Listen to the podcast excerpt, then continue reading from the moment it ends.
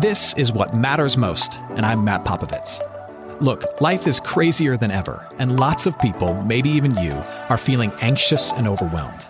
Today's message is designed to help you figure out what's most important and to experience the peace and joy that God intends for you. Because life is a gift, and it shouldn't be wasted on worry. I'd like to give you a resource, something to help you navigate the road ahead. Just go to mattpopovits.com, click on the icon, and we'll send it to you. That's Matt, P-O-P-O-V-I-T-S dot com. And hey, if you happen to live in the Houston area, I'd love to see you on a Sunday morning at St. Mark in Spring Branch. Head to stmarkhouston.org to plan your visit. Here's today's message. Thanks for listening. And so today we're going to talk about how we make room for the gift of hope. How do we make room for the gift of hope that, that Christians believe Jesus brings with him through his birth in Bethlehem? You may know this about human beings, but, but human beings are, uh, we are hopeless hopers, if that's a phrase. We, we, are, we are made to hope in something. And, and I don't care what you say, everyone has hopes. Everyone hopes. Even the most like staunchly secular, anti-spiritual person among us will admit this truth. For example, even the ardent belief that there is no God, that there's nothing spiritual out there, and that science will ultimately bear out that truth, that in and of itself is a hope. Hope is not a religious thing. Hope is just a human thing. It's something we do. Uh, we all do it. We all have them. Uh, you could define hope like this Hope is the belief in an ideal future that that influences how you live today. Hope is the belief in an ideal future of some sort that then shapes and influences how you live today. So, for example, you and I, we both have lots of different hopes in our life, a lot of different ideal futures out there that influence how we live today. You may have a lot of relationship hopes that shape how you, how you date someone or, or how you love your spouse. You have physical hopes of how your body will look and how you will feel that shape how you eat and how you exercise or how you don't exercise. You may have financial hopes that shape how you spend and how you save. You may have certain cultural hopes, things you want to see for the people of this planet that shape how you vote. And all of us have religious hopes, all of us, that shape how we live based on who we believe is or is not out there. We all hope. We all have an ideal vision of the future that shapes how we approach today. And that's what makes today's text from Romans 5 so interesting because in today's text, Paul, the pastor who is kind of writing on God's behalf, Paul mentions hope. Now, now, he's talking about a particular hope. He's talking about the hope that Christians have that in the very, very end, when, when God the Father looks at us, in the very, very end, when God the Father looks at us, he will see us as accepted and approved because of the perfect life and sacrificial death of Jesus Christ. And that he will, he will raise us up as his accepted and approved and, and lovely people, and he will restore all that's wrong in this world. And so when Paul talks about hope, he's talking about that picture of the end, right? And how that should shape our approach to today. But he uses an interesting phrase in referencing that hope that should make all of us think. Let, let me highlight this. Let me just, I'm going to burn through these words rather quick and highlight the important pieces. Romans 5, verses 1 through 5. Paul says, Therefore, since we have been justified or declared not guilty of our sins by faith, we have peace with God through our Lord Jesus Christ. Through him, we have also obtained access by faith into this grace in which we stand and we rejoice in hope of the glory of God. So, so we have a sense of celebration in our hearts that one day, when we stand face to face with God, He will not call us His enemies because of our sins. He will look at us and say, You're my beloved son, you're my beloved daughter because of what Jesus Christ has done for you. Not only that, but we rejoice, here's the interesting part, in our sufferings. Hmm. Knowing that suffering produces endurance, and endurance produces character, and character produces hope. And hope, here's the critical phrase hope does not put us to shame because God's love has been poured into our hearts through the Holy Spirit. Now, the interesting phrase here is this Paul says that the particular hope that Christians have, that in the very end we will be declared right with God and accepted as his children, and that he will make all things right in this world, that particular hope will not put us to shame, which is a strange phrase. Another way to translate it is that this Christian hope that we have will not publicly disappoint us. Have you ever been publicly disappointed by someone? Not only did that person let you down, but they let you down in front of other people. And you're just standing there with your shame going, oh. That ever happened to you? So, like, imagine for a moment, like, there's this, there's this young girl who, who loves to play soccer. And um, she's, she's starting her first game at midfield, as midfielder. And her dad, who travels a lot for business, her dad is promising to be there. And so she tells all of her teammates, hey, before the game starts, my dad's gonna be here. My dad's gonna be here. My dad's gonna be here. And then throughout the game, she's playing, she's doing well, but she's constantly glancing into the stands. And who is she looking for? She's looking for her dad. And then finally, the, the last whistle blows, the game is over, and guess who hasn't shown up? Dad. And not only is her little heart broken because her dad is not present, but, but as all of her teammates run to their parents and get the high fives and the orange slices from their dads, they all notice that her dad didn't show. Her little heart is humiliated.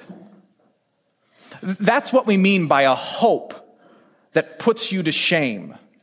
It's a hope that in the end doesn't fulfill its promises. It's a hope that in the end leaves you standing there empty handed. And the rest of the world knows that you went all in on that hope and you have nothing in return. That's a hope that can put you to shame. You see, what Paul is pointing out here is that, look, we are, we are people of a lot of hope. We have a lot of different dreams about our lives, but not all hopes are created equal. The, the hopes that you have are only as good as the thing that it's attached to. And so the question that, that Paul stirs up for us, a question that really wise people need to ask themselves as they survey the landscape of their life, is this Will the hopes that I have hold up? Will the hopes that I have hold up? Will the hopes that I have for my relationship hold up? Will the hopes that I have for my finances hold up? Will the hopes that I have for my career, for my kids, for, for my, my physique, whatever it is, will the hope that I have hold up? Or will I be caught in the end wishing that I had leaned on something else? Because that's a very real possibility. Now, with that question in our hands, let's rewind 2,000 years. 2,000 years ago, people were being people. They were hopelessly hoping in lots of things. And it was common if you were an Israelite, a member of, of God's Old Testament family, it was common for you to have all of your hopes pinned on this idea of a savior. This idea that, that at some point, God was going to send someone to do something that would fix everything. And 2,000 years ago, at this particular point in human history, there had been several thousand years of promises pointing in that direction, many of which we still have here in the scriptures in the Old Testament. Promises that said, hey, people of God, people of God, put your hope in God, keep your hope in God, because He's going to do something. He's going to send someone to fix everything. Make that your ultimate hope. An example of one of these promises is Isaiah chapter 9, verses 6 through 7. You've heard these words before. These words were written in 730 ish BC, a long time ago. For to us a child is born. To us a son is given, and the government shall be upon his shoulder. He's going to be a ruler of all things, and his name shall be called Wonderful Counselor, Mighty God, Everlasting Father, Prince of Peace. Of the increase of his government, of his rule, and of peace, there will be no end. That's a promise of the Savior who will come and fix everything. But, but let's be clear up until this particular point in history, this particular hope, of a Savior was just like every other hope that humans can have. In many ways, it was just words. You could make a case that there was not a whole lot of tangible evidence that this hope for a Savior who would come and who would make all things right, that this hope that God would act in an amazing and essential way would even hold up. And then a baby was born. And what was just thousands of years of words and promises became flesh. a real person lived, a real person taught about, about faith and forgiveness and love, a real person inspired, a real person died, a real person rose from the dead. And suddenly, this, this huge hope for wholeness with God and for a fixing of everything that's wrong and broken, this huge hope now had what every other huge hope still lacks. This huge hope had tangible evidence. This hope had a face. This hope walked and talked. This hope now had a name and a history Jesus Christ of Nazareth. And, and, one of many reasons that Christians make a big deal about Jesus is not just because we believe Jesus Christ is God in flesh. It's not even just because we believe that through his life and his death and his resurrection, he has secured your right relationship with the Father, that he's secured your relationship in God's family. One of many reasons that we make a very big deal about Jesus is because we believe that by doing all of those things in our past, he has made trustworthy all of the incredible promises about our future. By accomplishing all this in our past and actually showing up, He's made trustworthy all of the incredible promises about our future, and He has made hope in God unshakable. And, and by Jesus showing up, He has removed the possibility of disappointment. Christmas, the, the arrival of Jesus Christ, after all these promises, after all these predictions, the arrival of Jesus Christ into the world, it's, it's like a down payment. By arriving, by living, by dying, by rising, he, he makes certain all of the stuff that is promised for us in the very end that hasn't happened yet. And, and, and we are now led to believe that because he showed up, because he's shown up and given us all of this, he will certainly, certainly offer us the rest. He will be my righteousness, my, my source of good relationship with God when I die and stand before him. He will do that. He will return one day and fix everything that is wrong in this world. He will do that. I now have a hope that is unshakable. I have a hope that I know will hold up in the end. So, where will you be spending Christmas Eve? Hey, it's Pastor Matt, and if you're in the Houston area, I invite you to join me at St. Mark Houston for one of our three Christmas Eve celebrations. Each will feature the music you love, a message from me, and carols by candlelight. For more information, head to stmarkhouston.org. If you can't worship in person, then join us online. We'll be streaming a special celebration all day online at htxchristmas.com. And now, back to today's message. Advent, I mean, Christmas, it is a fantastic time for so many reasons. Uh, it's a fantastic time because there is, uh, there's incredible food. Uh, it's a great time because there's, uh, there's, there's good songs. It's a great time because there's a general acceptance of ugly sweaters, right? We are a much more tolerant people at Christmas, right? But, but part of what makes it incredible, I think, for Christians is that that Christmas and Advent, they, they become this season where we, we reprioritize our hopes. Because we have lots of hopes and they get all mixed up during the year. And then Christmas becomes this time where, where we reprioritize our hopes. And I don't know if you know this, but that's really what we're doing. When, when Christians sing the, song, sing the songs of Christmas, when we, when we tell the story of Christmas, when we decorate our lives at Christmas, what it's doing is it's kind of jarring us awake and reminding us of the hope that we have. It's our chance as we, as, we, as we hang the ornament on the tree, we're actually taking this great hope that we have in Jesus that over the course of the year has been buried away or rolled off into the corner or packed away into the basement. We're taking this hope and we're taking it out and we're putting it back in its rightful place. We're putting it at the top of the list. We say, well, here's my financial hopes, here's my, my, my family hopes, here's my, my, my exercise hopes, but here is my great hope that has all of the evidence. Here is the hope that won't disappoint. And I'm going to take it out, I'm going to put it back at the top where it belongs that's what I'm doing when I sing the songs. That's what I'm doing when I decorate my house. That's what I'm doing when I send out a card. That's what I'm doing when I come to church. I am taking this hope of all hopes and putting it at the top where it belongs so that it might trickle down and influence all others. And that's part of what makes our spirits come alive this time of year. We are taking the great hope and we are declaring to ourselves as we put the wreath on our front door in our building, we are declaring, I have a greater hope than being accepted by others through my own awesomeness. I have hope in Jesus Christ. I have a greater hope than, than attaining a nice retirement through relentless saving. I have a greater hope than being slim or smart through my own strength. I have a greater hope than seeing my social cause gain traction for a few moments in time.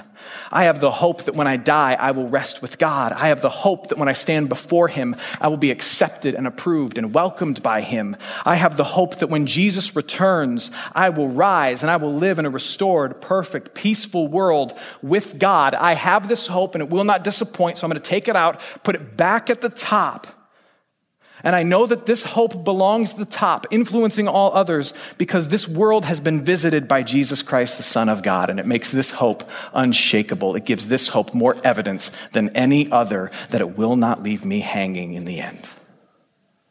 That's what we're doing this time of year. Now, the real challenge becomes how do we keep our hopes straight and in the right priority the rest of the year? How do we make room for the hope that, that Jesus is our everything, January through November? Because it's kind of easy to do like December 15th, right? But it's harder in late May. There's a key in our text. If you jump back to Romans 5, starting at verse 3, I think Paul is onto something interesting here. He says here, We rejoice in our sufferings knowing that suffering produces endurance, and endurance produces character, and character produces what? Hope. It produces this hope that does not put us to shame. I, here's what I would offer to you as an idea. I would offer to you that, that part of the key of keeping our hopes in the right order, of making sure that our, our financial hopes don't go to the top and our Jesus hopes go to the bottom, that keeping our hopes in the right order is dependent a bit upon how we respond to our struggles. Because here's what you and I tend to do when life gets really difficult. When life gets really difficult, we tend to trade out our hopes. We have hope in a lot of different things. And when life gets difficult, when money gets tight, or kids get crazy, or your sister in law goes off the deep end and starts bothering you and making life difficult for you, or when somebody near you gets sick, somebody around you dies, or when you get sick, what we tend to do is we tend to take our hopes and we say maybe something else can satisfy, and we tend to take something off the top, put it at the bottom, put something else at the top, thinking that it will fix. We tend to trade out our hopes. When struggle hits, what, what we tend to do, yet God forgives us and loves us anyway, He's so gracious. What we tend to do is we take our eyes off of Him, off of the things He's guaranteed for us, off of the gifts he's already secured for us, and we chase after lesser hopes, thinking that they will numb the pain and solve the problem. For example, you do something really dumb. You screw up big time. And, and, and you know you screwed up big time and you get flooded with guilt.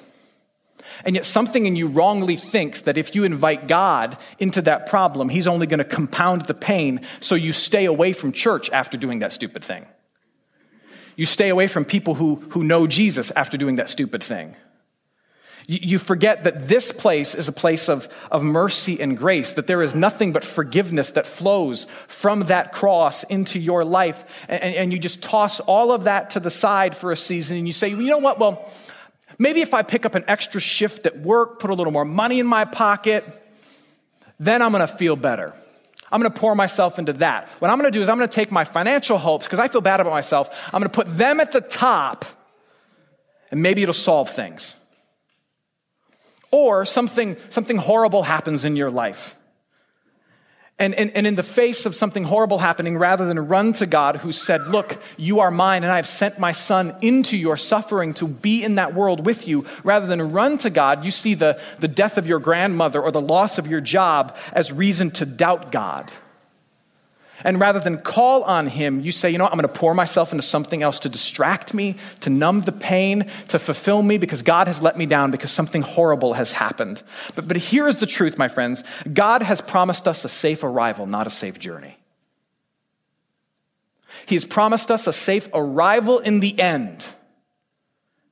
not a safe journey on the way. He has promised us a safe arrival in the end that will be made more joyful and sweeter because of the difficulties He's allowed and led us through along the way. So Paul says, look, in times of struggle, don't rearrange your hopes. Don't run from the great hope we have in Jesus. No, in times of great struggle, you can even make a case to rejoice because as you hold tight to that ultimate hope of what Jesus is going to do in the end and what he's guaranteed through his birth in Bethlehem, that as you hold tight to that hope, God is going to use that struggle to sweeten and strengthen your hope. Do not swap it out for something lesser. Hold tight to it because He is going to use that struggle to strengthen your hope and sweeten your hope. Think of it like this. Have you ever been out to a restaurant and, and, you, and you look across the restaurant and you see uh, an older couple who's clearly been married for like 50 plus years? And rather than ignore each other like a lot of couples do at restaurants, they, they actually seem to still like each other after all those years. You think, well, maybe they're brother and sister because they're actually talking. No, it's clear they're married. They still love each other. They still enjoy each other. And you can see a sparkle in his eyes and kind of a lightness in her heart as they look at each other and they sit and they, they share that, that dinner at that restaurant at three in the afternoon. Think, think of our relationship with God in some ways and the hope that we have as something that gets stronger and sweeter over time. Think of it like that older married couple whose love has gotten greater over time. And think to yourself, how did that happen? How, how do they end up at the, at the end of that era of their marriage and their life together and things are better and sweeter? Was it because they somehow managed to avoid all this pain through their married life? Uh, was it because when things got rough in their married life, they, they let go of each other and ran to other people? No. What they've discovered is that the end is sweet not because of pain they've avoided, but the end is made sweet by the pain they've endured, survived, and loved each other through. I appreciate her greater not because of what we've avoided together, but because what she's endured with me. And the same is true for the hope we have in Jesus Christ. In the end, it will be made sweeter and stronger, not because of the things God has helped us to avoid, but because we have held it in our hands as we have endured difficult things. You want to make room for hope? Don't put it away with the decorations 25 days from now.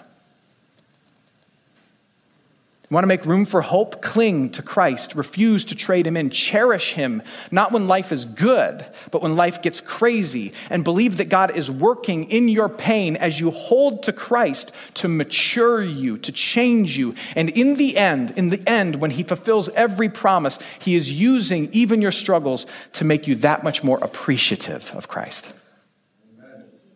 That's what he's doing. And so we do not reprioritize our hopes in difficult times, but we hold our hopes in difficult times. And here's the great news that when you forget to do that and you sell Jesus out for some financial hope or relationship hope, he still loves you and accepts you and chooses you, and he will hold you high.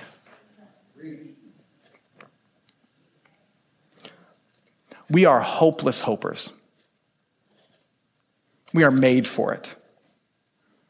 We have relationship hopes, work hopes, cultural hopes, but all of our hopes are not equal. So the question wise people must ask themselves is will our hopes hold up? I will never be a stand up comedian. Single tear. but there is one hope that has a huge down payment. Jesus Christ has been born into this world. Jesus Christ came to the game. And my prayer is that we will not just sing of that hope, but that this season we will reprioritize our hopes, and that at the end of this season we will carry that hope in our hands, that we might hold that hope that Jesus Christ will make it all right in the end because he's shown up in our past, that we will hold that hope through the pains of today, and we will watch as he changes you and shows you just how sweet he is in the end. That's my prayer for us as we start this season. Amen. Hey, it's Matt. I hope you enjoyed what matters most. Here's what I need you to know life is a gift, and it shouldn't be wasted on worry. I want to help you figure out what's most important and to experience the peace and joy that God intends for you. So, for more content, you can head to mattpopovits.com. That's Matt, P O P O V I T S.com. There you can also support this ministry, as well as access your free resource, a little something to help you navigate the road ahead. I'd also love to see you on a Sunday morning. If you're in the Houston area, head to stmarkhouston.org to plan your visit. In the meantime, hit me up on Instagram at mpopovits or at facebook.com slash Matt Ministries. Thanks for listening. Now go and hold tight to what matters most.